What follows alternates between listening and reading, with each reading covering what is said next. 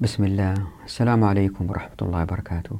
هذه الحلقة 53 من قصة الحق. وهي الحلقة 18 لتوضيح فصل دولة الناس. ملحوظة سريعة. أحد الإخوان جزاه الله خير. في الحلقة الماضية كنت في الدقيقة التاسعة وبعدها تحدثت سريعا في جملة واحدة عن التكفير. وأحد الزملاء نبهني أنه لا يا جميل انتبه الكلام في التكفير ورفضه أحيانا يؤدي إلى الكفر. أنا ما كان قصدي أرفض التكفير طبعا لا. أنا قلت أحيانا إذا أحد يكفر أنا أشمئز. طبعا هناك فرق بين الاشمئزاز والرفض الحكم. يعني يمكن الإعدام حكم شرعي واضح معروف ما حد يقدر يرده لكن إذا حاكم أعدم شخص وأنت عارف أنه هذا الشخص مظلوم تشمئز. فبالإضافة إلى توضيح آخر الآن اللي يكفر لابد أن يكون شخص ملم بعلم الشريعة حافظ للمتون للقرآن الأسانيد ويكون ملم جدا بعلم التنمية والإدارة والاقتصاد و... أين هذا الشخص الآن؟ أنا لا أعرف أن يوجد شخص كهذا لذلك أنزعج عندما يكفر شخص من باب التنمية. أعيد وأكرر من باب التنمية. إحنا حديثنا عن التنمية والاقتصاد والعمران وليس عن الصلاة والصيام هذه العلماء يكفروا فيها. ما هذه أنا ما لي دخل فيها. أنا أتحدث عن التنمية. فلم أجد عالم يستطيع أن يكفر. لذلك عندما يكفر الناس بناء على هذا الحكم بغير ما أنزل الله في مسائل التنمية أقول طيب أنت عارف كيف الحكم بما أنزل الله؟ هذه الأحزاب التي تكفر وهذه الجماعات التي تكفر إن وصلت إلى سدة الحكم ما الذي ستفعله ستحكم مثل الدولة الأموية والعباسية والعثمانية مثل هذه الدول. ليه؟ لأنه مع الزمن تغير الحكم ولم يصبح شرعي مئة في المئة من الأمويين وإحنا ماشيين. فكيف سيحكموا ما يدروا. طيب هذول اللي ما يعرفوا كيف يحكموا؟ ويكفروا الناس؟ ما معقول. إن شاء الله هذه المسألة تتضح لا نريد أن نطيل فيها. بالتدريج إن شاء الله ستتضح لكن الشخص اللي عنده أي استفسار يا ريت يرجع لي فيديوهات قصور العقل البشري اللي كانت في بداية السلسلة. توضيح على التوضيح السابق ألا وهو أنه توضيح على توضيح يعني. قد يظن البعض أني أرمي إلى أنه لا نجتهد لإقامة الدولة الإسلامية الآن لأننا لا نفهم كيف تعمل في وضعنا الحالي. لا أنا ما قصدت كذا. اللي قصدت أنه هذه الجماعات التي تكفر الآخرين هي إن وصلت إلى الحكم لا تعرف كيف تحكم. آه، المعجز في الشريعة أن الإنسان فقط يطبق الشريعة كما قال الله عز وجل وقال الرسول صلى الله عليه وسلم وستظهر الأمة المسلمة. يعني ما نحتاج ننتظر ألين نفهم كل هذه الأقوال والأفكار عن الاقتصاد والتنمية والعمران. ما نحتاج هذا أبدا. فقط نطبق قال الله عز وجل قال الرسول صلى الله عليه وسلم. آه كل الهيلمة هذه اللي أنا فيها والدوران وال... لأن الشريعة خرجت عن مخصوصة الحقوق بالإجتهادات المتراكمة من العصر الأموي. إن لم تخرج الأمة عن مخصوصة الحقوق لما كنا في الوضع إلا في ال... الذي نحن فيه الآن من ذل وفقر. فلا يظن واحد أبدا أني أنا أرمي إلى أنه ننتظر ألين علميا تكتمل المسألة لماهية الدولة الإسلامية في الوضع المعاصر. لا. ميزة الشريعة هي أنه نطبقها كما أنزلت وإن شاء الله سنصل. نتوكل على الله. التوكل جزء مهم من المسألة. هذه الحلقة والحلقتين الآتيتين أو الثلاث ما أدري مجموعة ثلاثة أو أربع حلقات. مهمة لأنها تتحدث عن موضوع مهم جدا لوقتنا الحالي ألا وهو المعادن التي هي في باطن الأرض. هل هي حق للدول ولا لا؟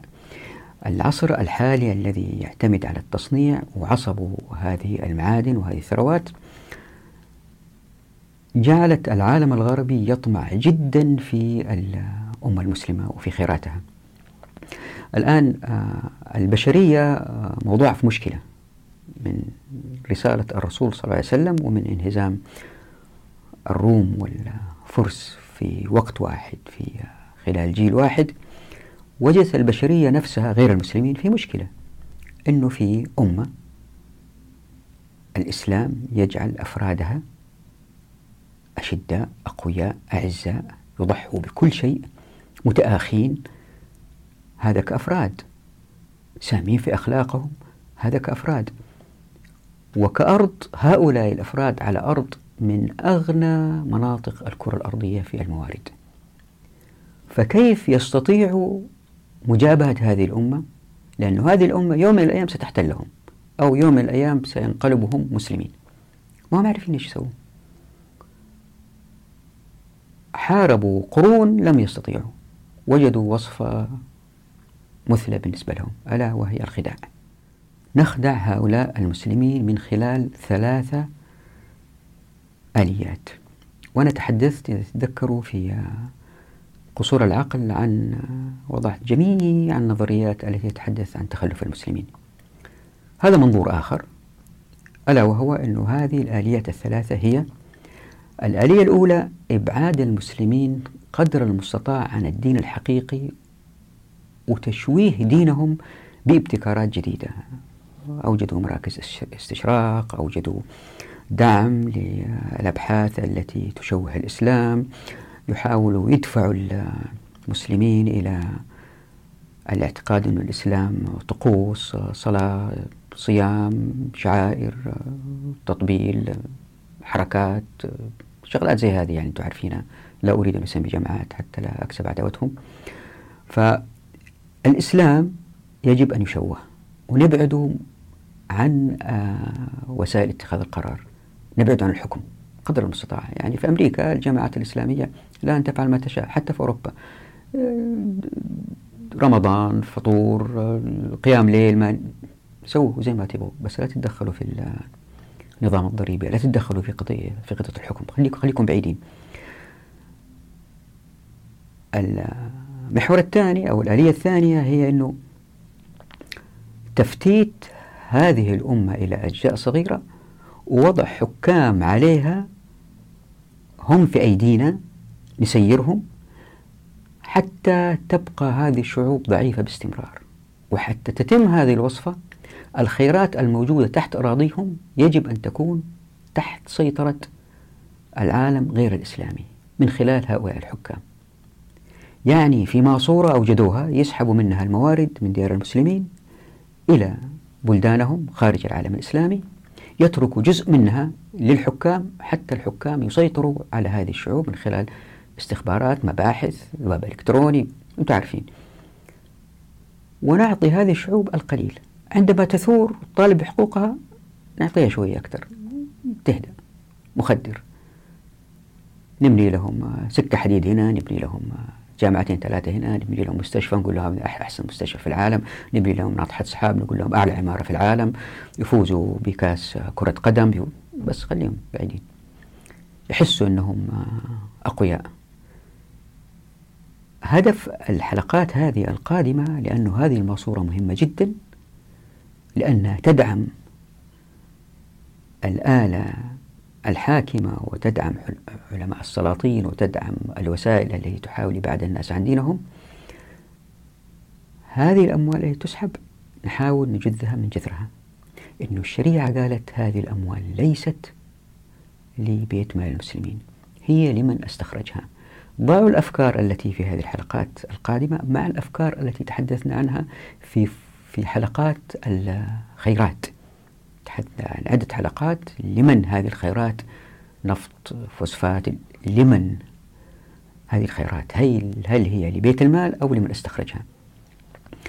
الآن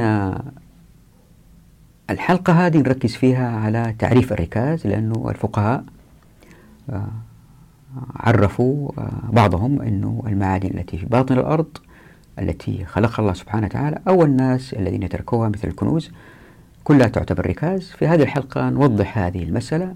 ما هو الركاز؟ وفي الحلقتين القادمتين أو الثلاث نتحدث عن المعادن وهي الأشياء التي خلق الله سبحانه وتعالى وليس التي آه، صنعوها الناس وتركوها في باطن الأرض. اللي صار أنه الفقهاء اختلفوا في تعريف الركاز. وهذا الاختلاف له تأثير على ما يؤخذ من هذه الأموال لبيت المال.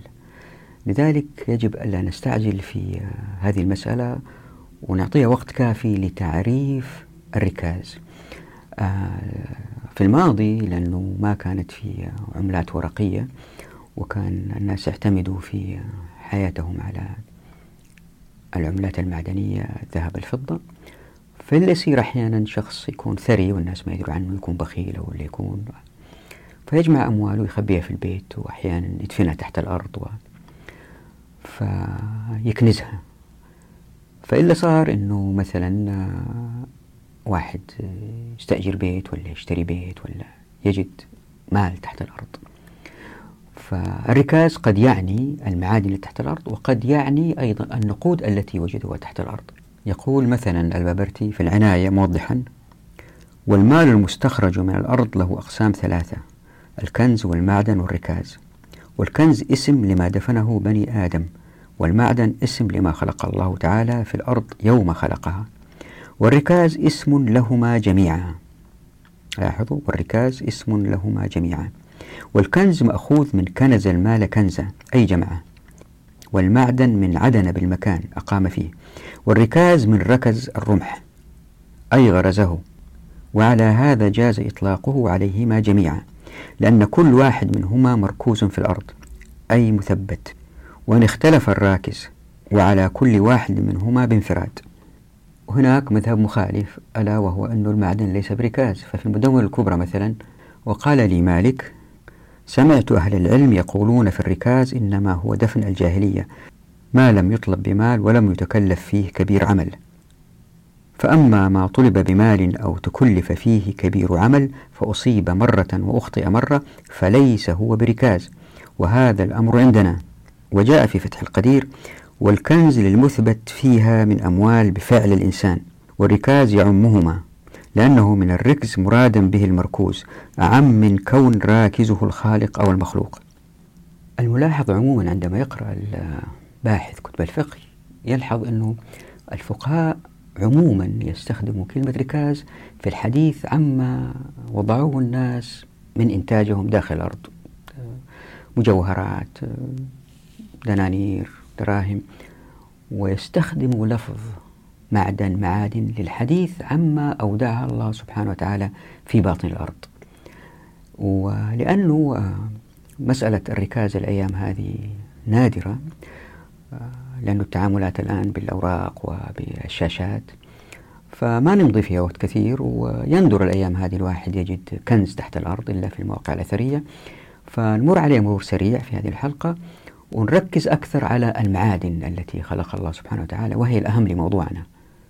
الأصل في الركاز عموما هو الحديث المتفق عليه عن الرسول صلى الله عليه وسلم العجماء جبار والبئر جبار والمعدن جبار وفي الركاز الخمس.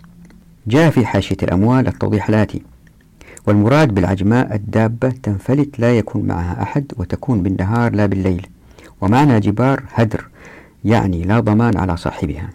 قال ابن حجر في شرح والمعدن جبار أي هدر وليس المراد أنه لا زكاة فيه إنما المعنى أن من استأجر رجلا العمل في معدن مثلا فهلك فهو هدر ولا شيء على من استأجره. وجاء في الأموال في الحاشية وقوله المعدن جبار أي أن الرجل يحفر المعدن في ملكه أو في موات فيسقط فيها أحد المارة فيموت فلا ضمان عليه. وكذلك قوله البئر جبار. وقال النووي في الحديث تصريح بوجوب الخمس في الركاز وهو دفين الجاهلية. هذا الحديث المتفق عليه حديث مهم وإن شاء الله راح نرجع له مرة أخرى في حلقات قادمة لأهميته. لكن الآن إحنا تركيزا على الركاز. في اختلافات بين الفقهاء ظهرت عن نوعية الركاز هو إيش؟ أين وجد؟ من وجدوا؟ الأحكام تختلف بهذه الاختلافات لكن برغم هذه الاختلافات في اتفاق أنه في جميع الأحوال أربع أخماس الركاز للذي وجدوا أو للإنسان الذي وضعه تحت الأرض يعرف مين أو يعني ليست للدولة هذا المهم ليست للدولة تذهب للناس. الخمس يذهب لبيت مال المسلمين. فمثلا إذا كان الركاز من دفن الجاهلية فخمسه لبيت المال لكن إن كان ليس من دفن الجاهلية ولكن مسلم تركه فهو يعتبر لقطة. هذا قول الحسن والشعبي ومالك والشافعي وأبو ثور. ويعرف ذلك من العلامات التي تظهر على ما وجد كأسماء الملوك وصورهم وصلبهم وصور أصنامهم ونحوه. أما إن كانت العلامات تدل على أنها لمسلم كوجود الشهادة أو آية من القرآن فهي لقطة لأنه ملك لمسلم لم يعلم زواله عنه. وإن كان على بعضه علامة الإسلام وعلى بعضه علامة الكفر فكذلك نص عليه أحمد. وفي صحيح البخاري وقال الحسن ما كان من ركاز في أرض الحرب ففيه الخمس وما كان من أرض السلم ففيه الزكاة. وإن وجدت اللقطة في أرض العدو فعرفها وإن كانت من العدو ففيها الخمس. قال ابن حجر قال ابن المنذر ولا أعلم أحدا فرق هذه التفرقة غير الحسن. وإذا واحد وجد كنز في أرض موات أو في أرض ما يعرف مالكها مثل الأراضي الأثرية القديمة لشعوب بائدة أو في مقابر يعرف أنها ما هي المسلمين في هذه الحالات زي ما وضح ابن قدامة مذهب الجمهور هو أنه فيها الخمس أربعة أخماسها للذي وجدها. يقول ابن قدامة ولو وجده في هذه الأرض على وجهها أي في طريق غير مسلوك أو في قرية خراب فهو كذلك في الحكم. لما روى عمرو بن شعيب عن أبيه عن جده قال سئل رسول الله صلى الله عليه وسلم عن اللقطة فقال ما كان في طريق مأتي أو في قرية عامرة فعرفها سنة فإن جاء صاحبها وإلا فلك. وما لم يكن في طريق مأتي ولا في قرية عامرة ففيه وفي الركاز الخمس. والحديث ذكر بلفظ مشابه في الأموال كالآتي عن عمرو بن شعيب لا أدري أسنده إسماعيل أم لا أن المزني سأل رسول الله صلى الله عليه وسلم عن اللقطة توجد في الطريق العامر أو قال الميتاء. فقال عرفها سنة فإن جاء صاحبها وإلا فهي لك. قال يا رسول الله فما يوجد في الخرب العادي؟ قال فيه وفي الركاز الخمس. وجاء في فتح الباري وقوله وفي الركاز الخمس. قد تقدم ذكر الاختلاف في الركاز وأن الجمهور ذهبوا إلى أنه المال المدفون لكن حصره الشافعية فيما يوجد في الموات بخلاف ما إذا وجده في طريق مسلوك أو مسجد فهو لقطة. وإذا وجده في أرض مملوكة فإن كان المالك الذي وجده هو له وإن كان غيره فإن ادعاه المالك فهو له وإلا فهو لمن تلقاه عنه إلى أن ينتهي الحال إلى من أحيا تلك الأرض. وزي ما أنتم شايفين من جميع هذه الأقوال أنه في جميع الأحوال أنه الشخص الذي وجد كنز له أربع أخماس هذا الكنز. آه، من الخلافات التي ظهرت مثلا إذا واحد وجد كنز في أرض آه، آخرين. مثلا واحد أستأجر بيت وجد في البيت كنز. أو واحد أشترى أرض ووجد في الأرض كنز. الإجابة هي الكنز له في إحدى روايتين لأن الكنز مودع فيه وأن الواجد ظهر عليه فله ملكه. والرواية الثانية هو للمالك من قبله وإن لم يعترف فهو للذي قبله إلى أول مالك. جاء في المغني وهذا مذهب الشافعي لأنه كانت يده على الدار فكانت على ما فيها. وأن انتقلت الدار بالميراث حكم بأنه ميراث. فإن اتفق الورثة على أنه لم يكن لموروثهم فهو لأول مالك. فإن لم يعرف أول مالك فهو كالمال الضائع الذي لا يعرف له مالك. والأول أصح إن شاء الله تعالى لأن الركاز لا يملك بملك الدار لأنه ليس من أجزائها وإنما هو مودع فيها. فينزل منزلة المباحات من الحشيش والحطب والصيد يجده في أرض غيره فيأخذه فيكون أحق به. ولكن إذا ادعى المالك الذي انتقل الملك عنه أنه له فالقول قوله لأن يده كانت عليه لكونها على محله. وإن لم يدعه فهو لواجده. وأما إن وجد الكنز في عقاره في أرضه أو في أرض ذمي معصوم أو فهو له وليس للدولة. جاء في المغني القسم الثالث أن يجده في ملك آدمي مسلم معصوم أو ذمي فعن أحمد ما يدل على أنه لصاحب الدار فإنه قال في من استأجر حفارا ليحفر في داره فأصاب في الدار كنزا عاديا أي قديما من عهد عاد ونحوه فهو لصاحب الدار وهذا قول أبي حنيفة ومحمد بن الحسن ونقل عن أحمد ما يدل على أنه لواجده لأنه قال في مسألة من استأجر أجيرا ليحفر له في داره فأصاب في الدار كنزا فهو للأجير. نقل ذلك عنه محمد بن يحيى الكحال. لاحظوا أنها ما هي للدولة أما للمالك أو للأجير. قال القاضي هو الصحيح وهذا يدل على أن الركاز لواجده وهو قول الحسن بن صالح وأبي ثور واستحسنه أبو يوسف. وذلك لأن الكنز لا يملك بملك الدار على ما ذكرنا في القسم الذي قبله فيكون لمن وجده ولكن يدعاها المالك فالقول قوله لأن يده عليها بكونها على محله وإن لم يدعه فهو لواجده. وقال الشافعي هو لمالك الدار إن اعترف به وإن لم يعترف فهو لأول مالك لأنه في يده. وإذا واحد استأجر عقار ووجد في العقار بيت مثلا وجد في الدار أو المنزل ركاز هي له أو للمالك؟ تأمل الآتي من الأم للشافعي. قال الشافعي رحمه الله تعالى والركاز الذي فيه الخمس دفن الجاهلية ما وجد في غير ملك لأحد في الأرض التي من أحياها كانت له من بلاد الإسلام ومن أرض الموات وكذلك هذا في الأرض من بلاد الحرب ومن بلاد الصلح إلا أن يكونوا صالحوا على ملك مواتها. فمن وجد دفنا من دفن الجاهلية في موات فأربعة أخماسه له والخمس لأهل سهمان الصدقة. قال الشافعي رضي الله عنه ومن وجد ركازا في أرض ميتة يوم وجده وقد كانت حية لقوم من أهل الإسلام أو العهد كان لأهل الأرض لأنها كانت غير موات كما لو وجده في دار خربة لرجل كان للرجل. قال الشافعي وإذا وجده في أرض الحرب في أرض عامرة لرجل أو خراب قد كانت عامرة لرجل فهو غنيمة وليس بأحق به من الجيش وهو كما أخذ من منازلهم. قال الشافعي وإذا أقطع الرجل قطيعة في بلاد الإسلام فوجد رجل فيها ركازا فهو لصاحب القطيعة وإن لم يعمرها لأنها مملوكة له. قال الشافعي وإذا وجد الرجل في أرض الرجل أو داره ركازا فادعى صاحب الدار أنه له فهو له بلا يمين عليه. وإن قال صاحب الدار ليس لي وكان ورث الدار قيل إن ادعيته للذي ورثت الدار منه فهو بينك وبين ورثته. وإن وقفت عن دعواك فيه أو قلت ليس لمن ورثت عنه الدار كان لمن بقي من ورثة مالك الدار أن يدعوا ميراثهم ويأخذوا منه بقدر مواريثهم. وجاء في المغني وإن اكترى دارا فوجد فيها ركازا فهو لواجده في أحد الوجهين والآخر هو للمالك بناء على الروايتين. ومن وجد ركازا في ملك انتقل إليه وإن اختلفا فقال كل واحد منهما هذا كان لي فعلى وجهين أيضا. أحدهما القول قول المالك لأن الدفن تابع للأرض.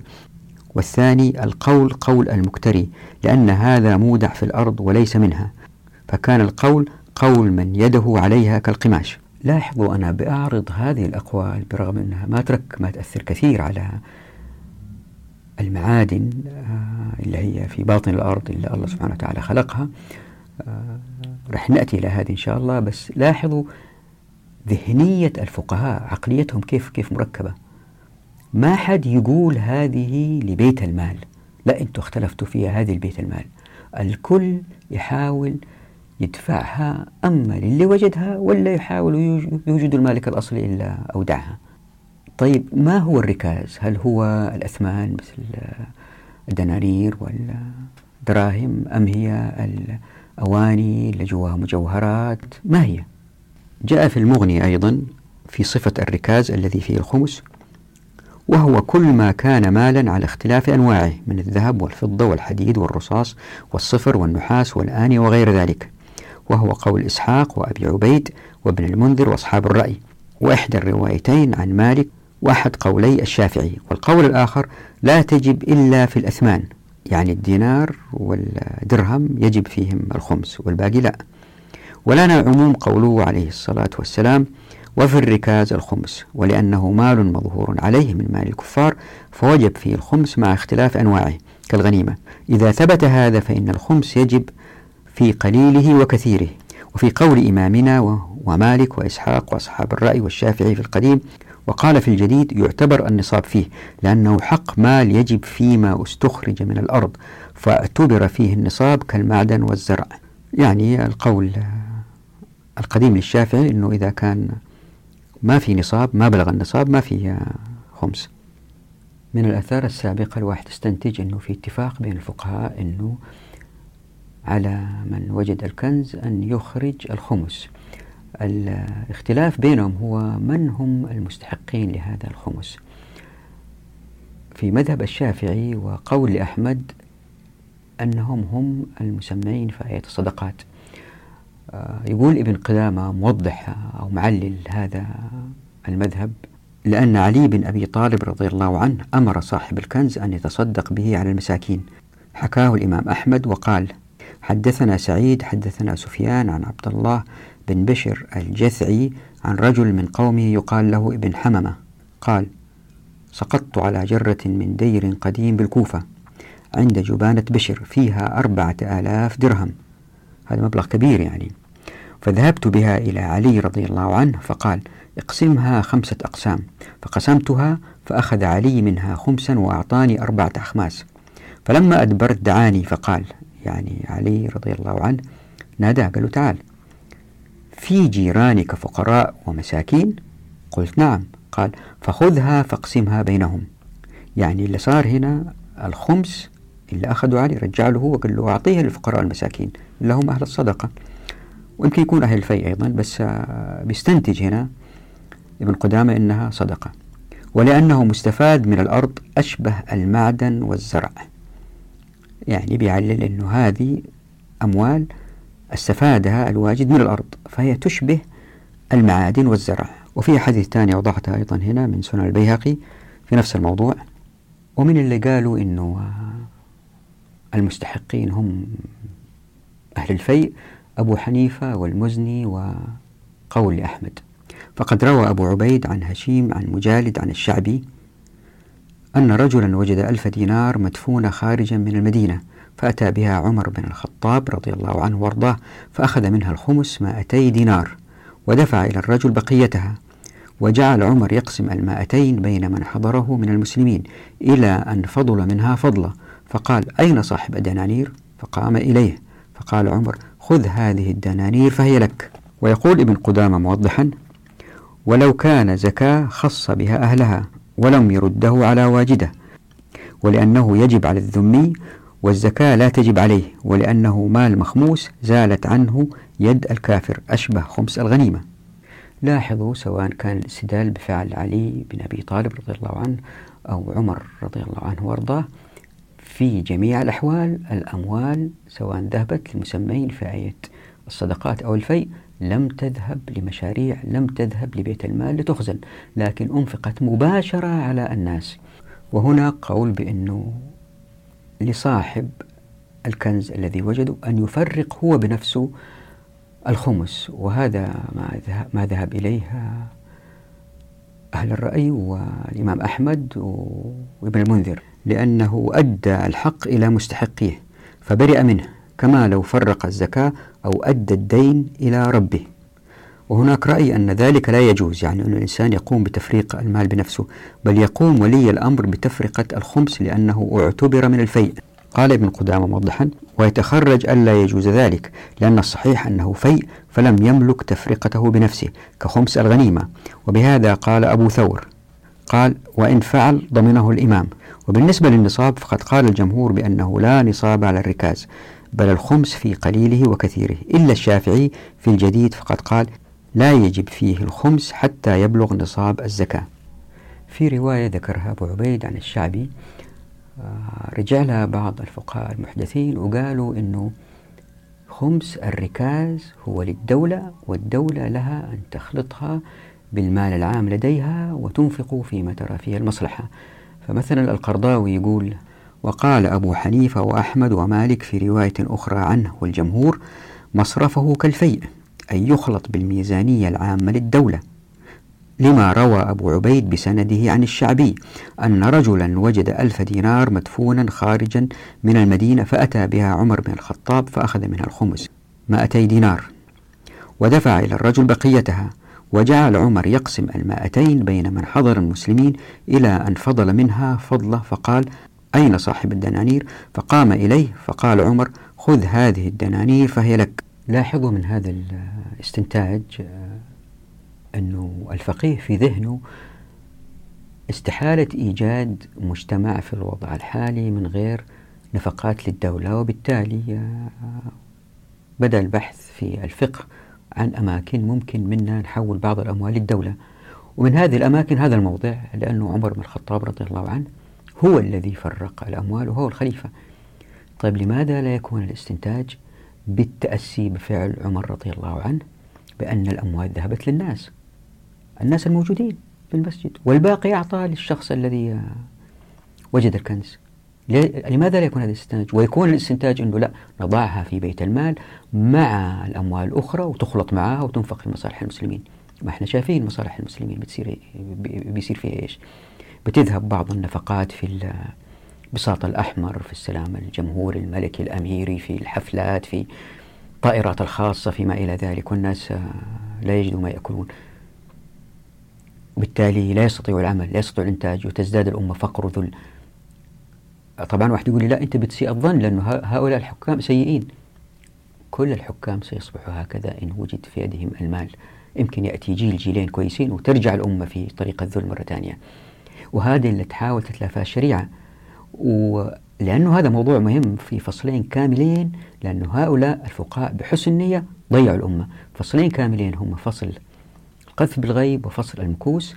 توضح الكثير من هذه النصوص التي أستنتج منها الفقهاء أنه في أموال تذهب لبيت مال المسلمين ومنها المعادن التي هي موضوع الحلقتين أو الثلاث القادمة. ما أدري كم نأخذ.